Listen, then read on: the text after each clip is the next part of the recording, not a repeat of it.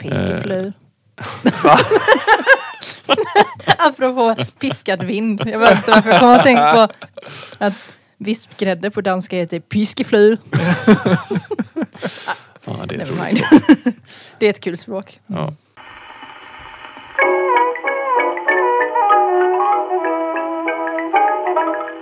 God dag allmänheten! Ni lyssnar på Bibblan svarar. En podcast som görs av biblioteken i Uddevalla i samarbete med den nationella svarstjänsten Bibblan svarar. Här kommer vi att komma med lite mer ingående svar på de frågor om allt möjligt som ställs av er alla på bibblansvarar.se eller direkt till oss på Bibblan svarar-podden.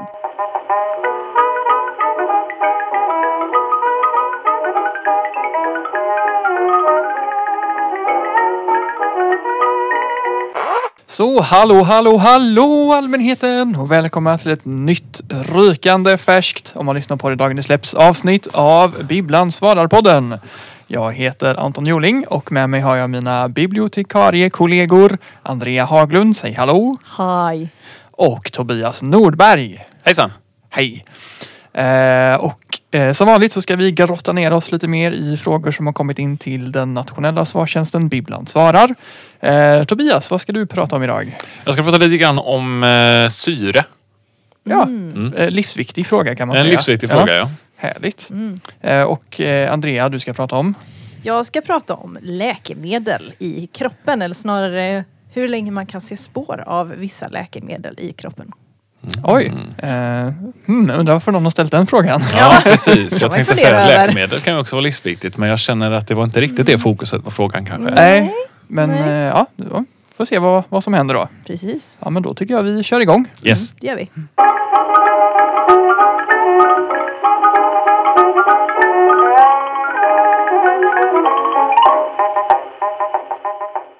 Ja, nu kommer jag att försöka svara på en fråga som handlar om kemi vilket inte direkt känns som hemmaplan för mig. Nej. Eh. Gör det det för er? Åh gud, nej. Uh-uh. Nej, vi får se om vi lyckas ta oss igenom det här ändå. Den här frågan den handlar faktiskt ganska mycket om historia också. På det området är i alla fall jag lite bekvämare. Så förhoppningsvis kan jag lyckas svara utan att villa bort mig själv och utan att vilseleda någon annan också. Vi får se. Mm, jag håller tummarna. Ja. Eh, frågan lyder i alla fall så här. Undrar över ordet syre. Vad kallade Skele ämnet och om ej syre, när dök namnet upp? Det blir lätt förvirring då syre på norska heter oxygen och på danska ilt. Var kommer ilt ifrån? Syra heter på norska och danska syre. Såg just en felöversättning från norska. Det stod syre men skulle ha varit syra. Ja. Okej. Kan du sammanfatta den här frågan lite grann? Ja, Och vad är det, vad sa du för något? Det, des, Des- deskel? Des, vad sa du för något? Vad kallade Skele ämnet? skele. Skele. Det, vi kommer till det. Vi kommer in på vem Skele är. Okej, Okej. Eh, Jaha, det är en det är en person. bra, del, det är en Skele bra är en del för att person. förstå Ja, frågan kände ja, jag. ja, Att, ja. va, Precis. Va? det, och Jag trodde ja, skele var ett annat ord för syre. ett tag. ja, Jag tänkte det, också är- det. Ja. det är en lite märkligt formulerad fråga. Ja. Men, men vi ska reda ut det här i alla fall. Den handlar alltså om namnet på ämnet syre. Mm. Eh, kan man säga. Ja, och själva ordet syre och var det kommer ifrån och sådär. Men jag tänkte vi får börja från början här. Frågeställaren undrar ju vad skele kallade ämnet. Mm. Och skele är alltså den svenska 1700-talskemisten Carl Wilhelm Skele. Ja, han ja. Det skulle Som alla känner till. förstås Ja, ja. kommit ihåg. Eh, och det är tydligen numera allmänt accepterat att det var han och engelsmannen Joseph Priestley som oberoende av varandra upptäckte det här grundämnet syre i början av 1770-talet. Mhm. Eh, ja. Vad, hur andades, andades man innan Jag det, vet inte. Nej. Det, jag letar efter det men jag har inte kommit fram till någonting. Ja. Eh, men från antiken och långt fram i tiden så hade man annars tänkt sig att luft var ett grundelement. Så det är Ja, just det. Ja, ja, elementen. Ja, just det. Eh, Men Scheele och Priestley de bevisade alltså att luft framförallt består av två separata grundämnen, alltså de som vi kallar syre och kväve idag. Eh, Det är ju några andra ämnen i där också, men det är framförallt syre och kväve. Eh, Men ingen av de här herrarna de använde ordet syre då. Joseph Priestley till att börja med, han använde termen avflogistiserad eller avflogistonerad luft. Det är ett, ett Okej. märkligt, eh, ja, det är ett märkligt ord förstås, men det har att göra med det lite mystiska ämnet flogiston. Har ni hört talas om flogiston någon gång? Aldrig. Nej. Men du, men jag var inne på flogging först, liksom, som att slå Ja, någon. jag- Att man har typ piskat loss Piskat syret ur Jag tror, luften. jag tror inte det har med det att göra. Nej, Det, det är vind helt enkelt. Ja. Ja. Piskad luft. Nej, är en sån löjlig bild. Vind a.k.a. piskat luft. Eh, ja, eh, Phlogiston då, det handlar om en gammal teori för hur förbränning egentligen fungerar. Alltså lite förenklat vad som egentligen händer med ett ämne när det brinner. Och Phlogiston då, det är ett hypotetiskt ämne som man förr trodde ingick i alla brännbara ämnen och som man antog försvann när ämnena förbrändes. Så man tänkte sig alltså att när ett ämne brinner så förlorar det sitt phlogistoниnnehåll som försvinner upp i luften. Okej. Och sen eh, resten av ämnet är helt phlogistonfritt efter det och då kan det inte brinna längre. Ja. Eh, så, Ah, eh, så det är så att säga flogistonet som gör att det kan brinna? Precis. Ah, Jag kommer att tänka på en grej. Eh, När jag var liten så trodde jag när någonting brann Mm. och det kom rök ifrån det. Att det var själen från saken som brann som försvann ifrån den. Ja, men lite. Så Då kan man det- säga att flogistonet är själen. Flogistonet är själen.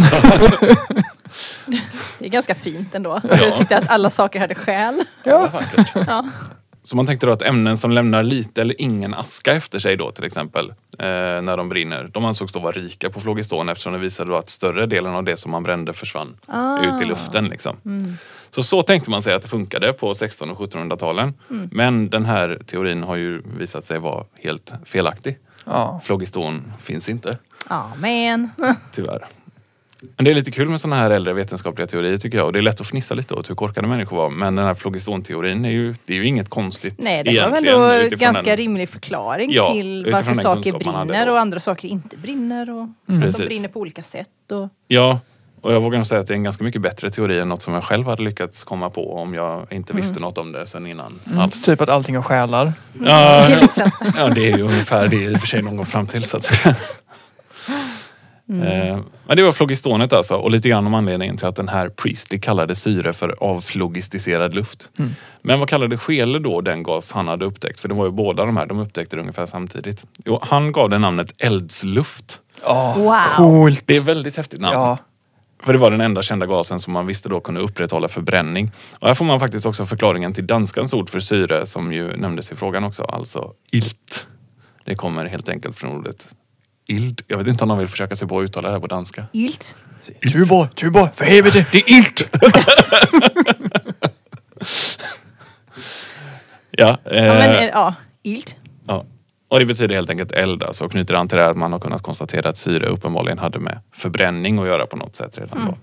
Eh, den som senare insåg eh, hur det här funkade med, med förbränning och så, det var i alla fall den franska kemisten Antoine Lavoisier. Han gjorde massor av olika experiment med förbränning. Så bland annat så provade han att elda fosfor i ett slutet kärl. Och när han hade gjort det så kunde han konstatera att den brända fosforn hade ökat i vikt och att mängden luft i kärlet hade minskat. Och det här resultatet det, det stämde ju inte då med teorin om flogiston eftersom fosforn enligt den teorin istället borde ha minskat vikt när flogistonet försvann eh, ur ämnet då. Jag känner hela det här bara tjoff, flyger mig över huvudet. Jag har ju, som tur är, jag satt ju och skrev ner det här och fick lite tid att försöka fatta det. Ja. Då, så att, och nu är det ändå på en väldigt ytlig nivå. Men Ja. Ja, så och ni som lyssnar, ni kan ju bara pausa och så fundera lite så kan ni backa tillbaka och så kan ni lyssna igen och så kan Ja. ni fundera lite till. Precis, men gör det inte för många gånger för då kommer ni märka hur dåligt sammanhållet det här är. eh, ja. Låt det bara skölja över er. Ja. precis. Det tror jag är bättre. Men han eh, Lavoisier han blev då övertygad om att ämnen brinner genom att reagera med luft eller med något ämne i luften. Och så är det ju faktiskt också. Och han tänkte sig att den beståndsdel i luften som underhåller förbränning var en förening av värme och det här nya ämnet då. Eh, sen hade ju inte Lavoisier full koll på hur det hela fungerade ändå. Men det var i alla fall ett avgörande steg för att förstå hur förbränning funkar och för insikten om att ämnet syre existerar överhuvudtaget. Eh, Så man kan säga att det var Lavoisiers arbete som ledde fram till att syre senare klassificerades som ett grundämne och på längre sikt också till att man fick förutsättningar att faktiskt förstå hur förbränning funkar. Eh, Men eftersom man hade upptäckt att samma ämne, ämne ingick i många syror så gav han det i alla fall namnet oxygen som betyder just syrabildare. Som är det samma som är på engelska. Ja precis, och frågeställaren nämnde ju också att det norska ordet för syre är just oxygen och rent tekniskt så kan man ju säga oxygen på svenska också. Även om det inte är det normala sättet att uttrycka sig kanske. Själva det svenska ordet syre då, det infördes 1795 av två gubbar som hette Anders Gustav Ekeberg och Per von Afzelius. Och eh, undrar om han är släkt med... Björn Afzelius. En adlig Björn Afzelius. Precis. De skippade fon efter ett tag. Ja. Ja, Eh, I min värld är han vänster men jag kan blanda ihop honom med Mik- Mikael Wiehe ja, också. det, det var han nog. Men han kan ha haft någon adlig bakgrund ändå. Ni kan nog ha. Jag tänkte han droppade det för det var inte så credit. Och, Nej. kanske hette det och sen så bara nej det kan jag inte heta. precis. Jag hittade lite mer Svensson-namnet Afzelius. Riktigt knegarnamn. Jajamän, arbetarklass. Ja, och de konstruerade det här namnet just efter ordet syra då. Så orden syra och syre, de har verkligen med varandra att göra på svenska också i alla fall. Men frågeställaren nämnde ju också att, fel, eh, att det var en felöversättning då när man hade översatt det norska ordet syre till det svenska ordet syre fast det borde ha varit syra. Och eftersom jag egentligen tycker att språk är lite mer spännande än kemi så tänkte jag säga något om det också här avslutningsvis då.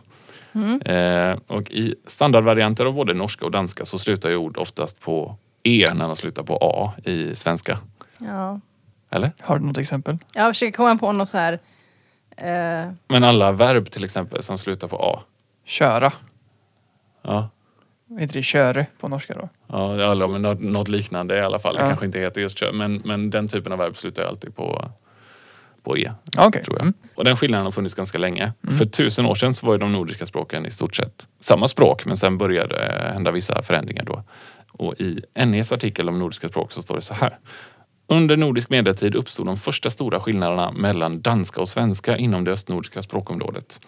Eh, Med början på 1100-talet försvagades de danska händelsevokalerna så att A, O och E sammanföll i E. Och så är det ju fortfarande i danska och norska då. Eller ja, det, det återstår ju att se då om vi får kollat upp det här. Men, Ja, men vi får väl anta att det stämmer. Ja, vi får anta att Om det det står på stämmer. NE. Ja.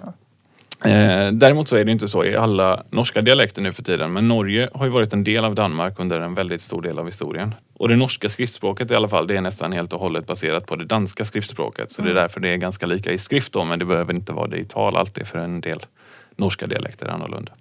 Men syre heter alltså inte syre på något av de språken. Det gör det bara på svenska. jag börjar tänka på så här dialekter i Norge Ja. istället. Jag kommer att tänka på varför de pratar så annorlunda i Bergen. Mm. För att ja, det låter ju, om man har hört bergensiska så låter det väldigt annorlunda jämfört med hur man pratar i till exempel Oslo eller liksom Mm. sådär. Mm. Mycket mer skorrande R Ja. och liknande. Eh, Det fick jag lärt mig ganska nyligen att det var för att eh, Bergen är en gammal Hansastad. Så att man Vad sa du? Gammal Hansa? Hansastad. Det vet jag inte vad det är. Eh, Nej. Hansan. Hansa, Hansan, det var ju ett, vad ska man kalla det, handels... Ja, Det var ju tyska handelsmän som hade liksom någon typ av stort... eh, För, alltså det var ett slags samarbete mellan olika länder, olika städer. Det var så Hansastäder där det var väldigt, väldigt mycket handel helt Ja. enkelt. Okej. Så det var väldigt viktiga handelsplatser och de har en tendens att se lite liknande ut. Att det är en typ, viss typ av bo, alltså husen ser ut på ett visst sätt Mm. lite grann. Visby tror jag är en gammal Mm, Hansastad. Jag tror det är den enda Eh. Tallinn är en gammal Hansastad. Mm. Och Bergen. Och så finns det ett antal sådana i Europa liksom, som är från medeltiden tror jag. Men är- Jätteviktiga handelsstäder. Men Hansa är inte som eh, typ East India Company. Det är inget företag så utan det är mer en, en handelsrutt då. Eller vadå? Jag tror att vi kanske får kolla upp det här och så kan vi ta upp det i ett annat avsnitt. Ja, det är det. Då kan vi säga att det var en... Vi kan ställa den frågan till oss själva. Just det. Bibblan svarar, följer upp. Eh, här om avsnittet så pratar jag ju om buller och huruvida det är skadligt. Och då pratar vi också om, jag skulle kolla upp om buller är, ska, är sä- särskilt skadligt för de som har tinnitus. Var det inte ifall själva tinnitusen som är ett konstant, kan vara ett konstant buller, Ja, är just det. skadligt? Just det, det var så, Mm. så ska man tänka det mer. Om tinnitusen i sig är dödligt Ja, eller ja, skadligt men, för typ. Ja. ja, någonting.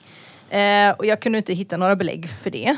Eh, däremot, alltså det, så här, det finns inga belägg för det. Samtidigt så kunde jag ändå läsa att tinnitusen beroende på hur allvarlig den är kan ju också leda till långvarig stress eller att man Mm. inte kan slappna av, att man inte kan sova ordentligt och sådana saker. Så på sätt och vis så finns det ett samband. Men det finns, inga så här, det finns ingenting som säger att det är farligt med tinnitus. Däremot så det fanns väldigt mycket sånt här. Det finns en massa eh, saker, alltså olika råd om hur man kan få hjälp med sin tinnitus och få tips och råd för att kunna eh, lättare koppla bort ljudet och sådana här saker för att kunna ja, slappna av bättre och sånt. Ja, okej. Men jag hittar ingenting om att det i sig är något som är farligt. Så du Nej. behöver inte vara för orolig Anton. Ja, nej men vad skönt. Det är bara risk för Lite stress och orolig hjärt och kärlsjukdomar. Ja. Du behöver bara vara lite orolig, för det ska man alltid vara. Ja, det är klart. Ett visst mått är alltid nyttigt, men eh, ja, så var det med det i alla fall.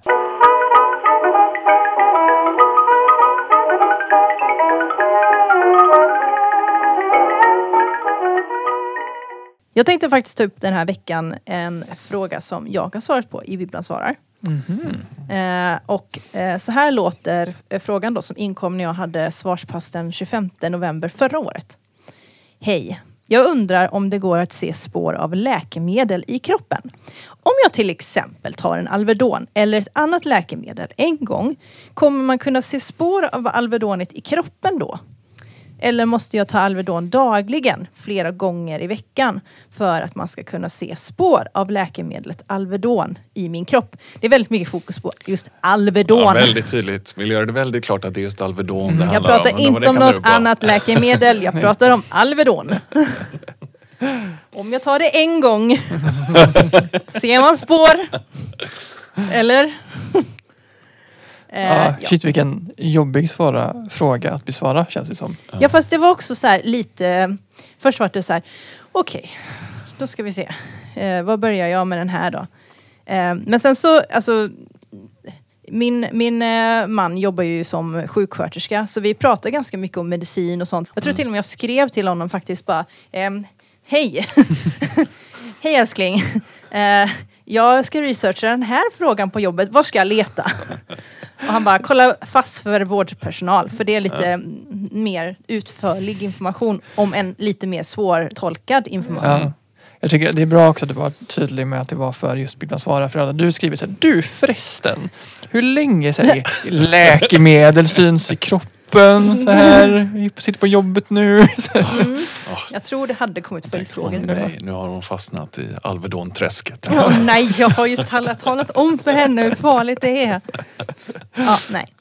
Eh, men så det började jag med i alla fall. Och man kan säga att hur länge ett läkemedel stannar i kroppen det beror på flera saker där något som kallas för halveringstid är en viktig faktor. Och halveringstiden är hur lång tid det tar för att halva dosen läkemedel ska brytas ner. Eller metaboliseras som det heter. Det är generellt väldigt mycket fancy termer som man slänger sig med när det kommer till medicinvetenskap. Mm, de ska ju känna sig lite viktiga också. Ja, det kan ju inte heta något normalt som nedbryt, nedbrytning. Nej, nej. Metabolisera ska det heta. Nåväl. Eh, kollar vi då på Alvedon eller paracetamol som är den aktiva substansen i Alvedon. Vilket vi kan, eftersom att vi kan hela Ipren-låten. Jajamän! Paracetamol till exempel, Alvedon Alvedon mot huvudvärk, mensvärk och tandvärk. Ipren, den intelligenta värktabletten. Vi är inte sponsrade av Ipren. Ja i alla fall, om vi kollar då på paracetamol så är den aktiva substansen, äh, som är då den aktiva substansen, så är halveringstiden två timmar. Mm. Så det är, då är halva liksom, dosen borta, om man säger så. Halva, mm, halva tabletten borta. Men eh, stämmer det även kontinuerligt så att säga? Efter två timmar så är halva dosen borta. Sen efter två timmar till så är halvan av halvan borta. Mm. Ja, nej men precis för att eh, koncentrationen av ämnet eh, faller exponentiellt Mm. kan man säga. Så att eh, man kan, ah, man, utan att göra det för krångligt så kan man säga att paracetamolet är ute ur kroppen efter cirka åtta timmar Mm. i alla fall. Ehm, Vilket ju inte är så länge. Får jag fråga då, jag vet inte om du kan svara på den men är det när, efter två timmar när halva har brutits ner, Mm. är det då man börjar känna effekten av Nej, det läkemedlet? känner man ju eller är tidigare. det, okej. Mm. Det börjar ju brytas ner, för tänk att man tar en tablett då. Ja. Det börjar ju brytas ner ganska direkt i magen liksom. Och det räcker med ganska lite kanske då för att man vill ju att effekten ska hålla på ett tag. Mm. Och då kan man tänka att ja, men effekten stannar kanske kvar i, kanske inte åtta timmar, det känns länge, men säg fyra timmar i alla fall. Liksom, alltså, sen efter åtta timmar så är allt nedbrutet, men Mm. liksom, det bryts ju ner lite efterhand och sprids ut lite efterhand. Tänker jag. Så efter två timmar så halva mängden försvunnit. Liksom. Då är det borta, det är redan förbrukat. Ja, okej. Ja. Kan man väl säga. Jag gissar att det är ungefär så. Jag är inte är som sagt, vi- apotekare eller läkare. Jag, jag bara försöker förstå det här.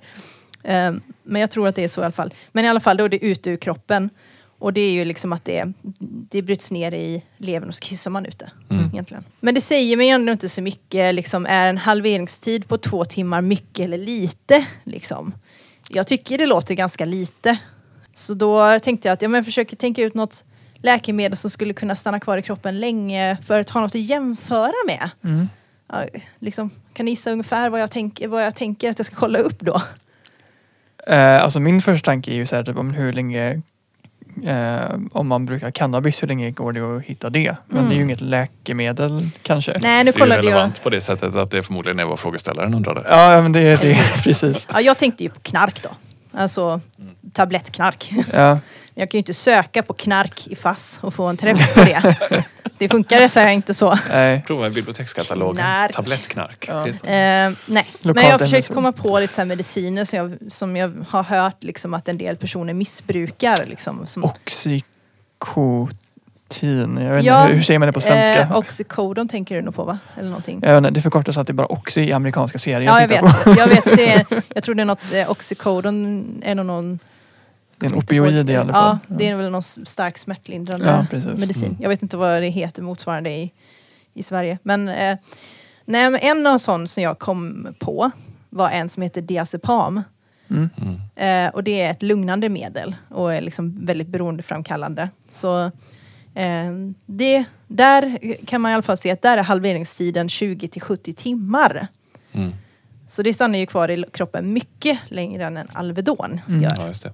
Och sen varierar, sen förutom det här med halveringstid som är ganska konstant, eh, för det har med liksom, medicinen i sig att göra, så förstås så handlar det ju om kroppens eliminationsförmåga också. Mm. Det vill säga hur bra kroppen är på att bryta ner läkemedlet.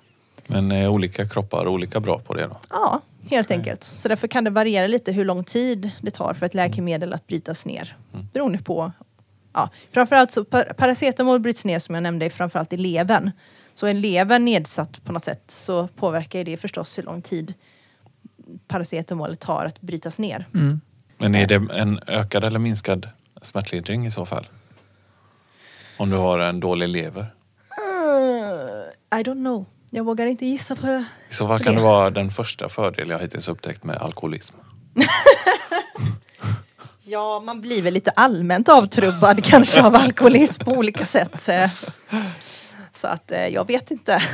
Nej, jag har faktiskt ingen aning ehm, om det påverkas på något sätt.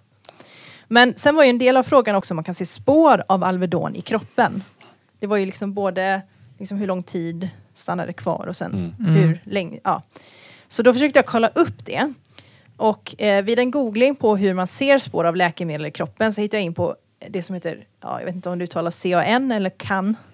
Eh, den hemsidan i alla fall, det står för Centralförbundet för alkohol och narkotikaupplysning. Mm.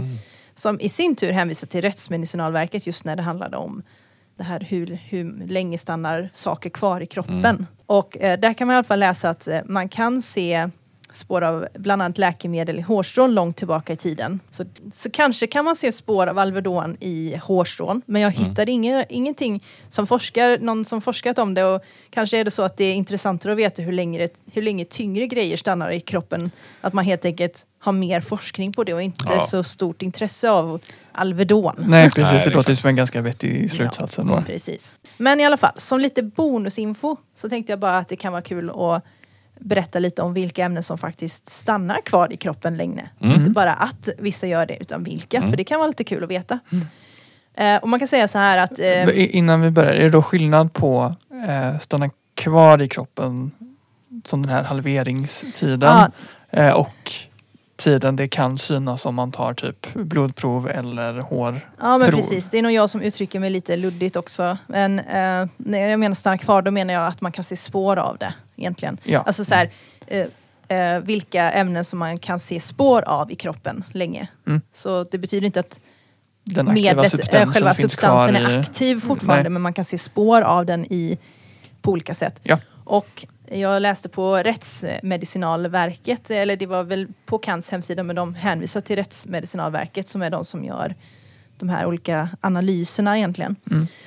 Och då finns det egentligen tre stycken olika analyser man kan göra. Du kan göra en blodanalys, du kan göra en urinanalys eller en liksom, eller ett urinprov. Eller så kan man undersöka hårsäckar eller hårstrån. Och ehm, man kan säga, och blodproven är det som visar minst information, eller liksom färskast information. För det är liksom förnyas så ofta tror jag. Jaha. Mm. Liksom. Eller, ja. Det renas, blodet renas ganska så snabbt så där syns inte spår särskilt länge. Ja. Min gissning hade varit kissblod, hår. Ah, nej. Eh, faktiskt. nej, men det är det inte. I blodet stannar spåren inte kvar särskilt länge oavsett substans. Eh, det handlar om liksom timmar till några dagar är det spann på. I urinet så kan man se spår längre. Där ligger de flesta substanser kvar i några dagar i alla fall. Förutom en av de här som, de här som jag, jag ska läsa upp strax. Mm. Utan där är det bara cannabis som är den som är väldigt utstickande. För den, till skillnad från de andra som är kanske så här tre, fyra, fem dagar. Cannabis kan man se spår av i urinen i 30 dagar. Oj. Oj. Ja. Det är ju jättelänge. Ja, det är det. Men Det var bara lite intressant att det stannar kvar så länge. Och sen har vi håret då. Och där stannar spåren kvar länge. Och det enda, den enda som inte stannar kvar länge, det är LSD. Den stannar bara tre dagar. Mm. Eh, resten av ämnena som undersökts, vilket är alkohol, amfetamin, barbituater, kokain, cannabis, heroin, eh, MDMA som står för metylendioxymetamfetamin. Snyggt. Tack. Och metamfetaminer och morfin lämnar spår i håret i upp till 90 dagar. Så länge. Så Skriver du upp detta antal? jag funderade på om jag skulle avsluta det här med antingen So kids, don't do drugs. Eller typ så tänk på det lite bättre när ni ska ta Alvedon.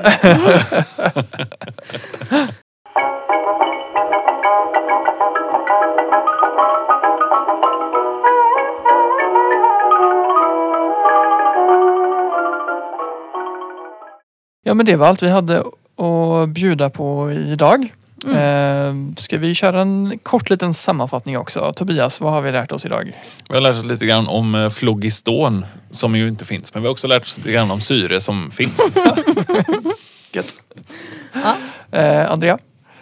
Ja, vi har lärt oss att eh, nej men, Alvedon är inte så farligt att äta. Det stannar inte kvar så länge. Nej. Men ska man testa andra saker så stannar det kvar. Eh, fint, då tackar vi så mycket för, för oss för den här Ja. gången. Tack så mycket. Ha det gött! Ha det bra, hej. hej då! Har du också en fråga om precis vad som helst? I så fall får du gärna mejla oss på bibblansvararpodden gmail.com eller på våra sociala medier så kan vi ta upp den i framtida avsnitt. Vill du vara helt säker på att få ett svar på din fråga kan du gå in på bibblansvarar.se och ställa den där. Om du gör det kommer du få ett väl underbyggt svar och kanske kommer vi så småningom att utveckla svaret i podden. Du har lyssnat på Bibblan svarar, en podcast som görs av biblioteken i Uddevalla i samarbete med den nationella svartjänsten Bibblan svarar.